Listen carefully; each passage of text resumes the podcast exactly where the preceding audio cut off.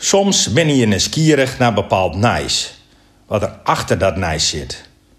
Zo stond er een paar weken geleden een berichtje op internet dat een postloper uit Eindhoven jarenlang duizenden brieven, kaarten en andere poststikken niet bezorgd had. Kijk, dan ben ik benieuwd waarom hij dat dan niet deed had.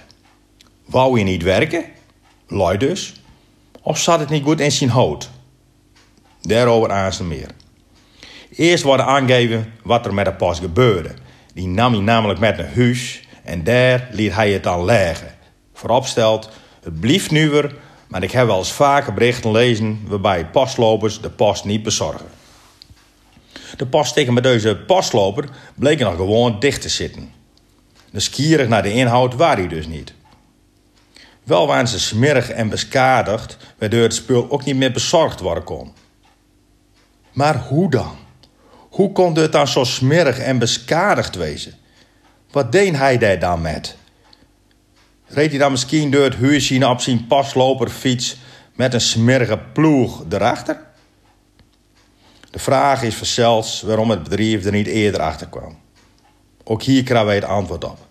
Het bleek een tuke man te wezen, want hij bezorgde de meeste post wel, maar alle dagen nam hij een beetje post met naar huis.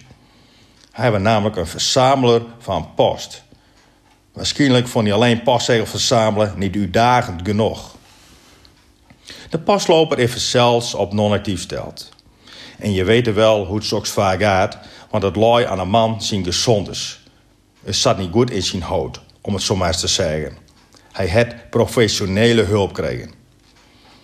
Het pasbedrijf bracht een statement naar buiten. Dit schreef men. Wij bieden onze excuses aan, want het is natuurlijk erg vervelend dat mensen hun post niet gekregen hebben. Leuk dat ze dat doen, maar daar heb ik helemaal niks aan. Pak liever die postloper op het beeld aan, die het ook al jarenlang poststikken achteruit houdt. Nee, ik heb er nog geen vermoeden wie het precies is, maar er moet een wezen die de post achteruit houdt. Dat mist mij niet, dat ken niet aans. Waarom ik daar zo stellig ben?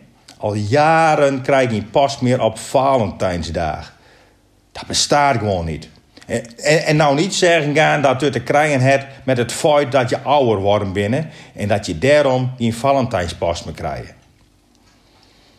Ook dit jaar is er Valentijnspost voor mij achteruit houden, want ik krijg er weer niks.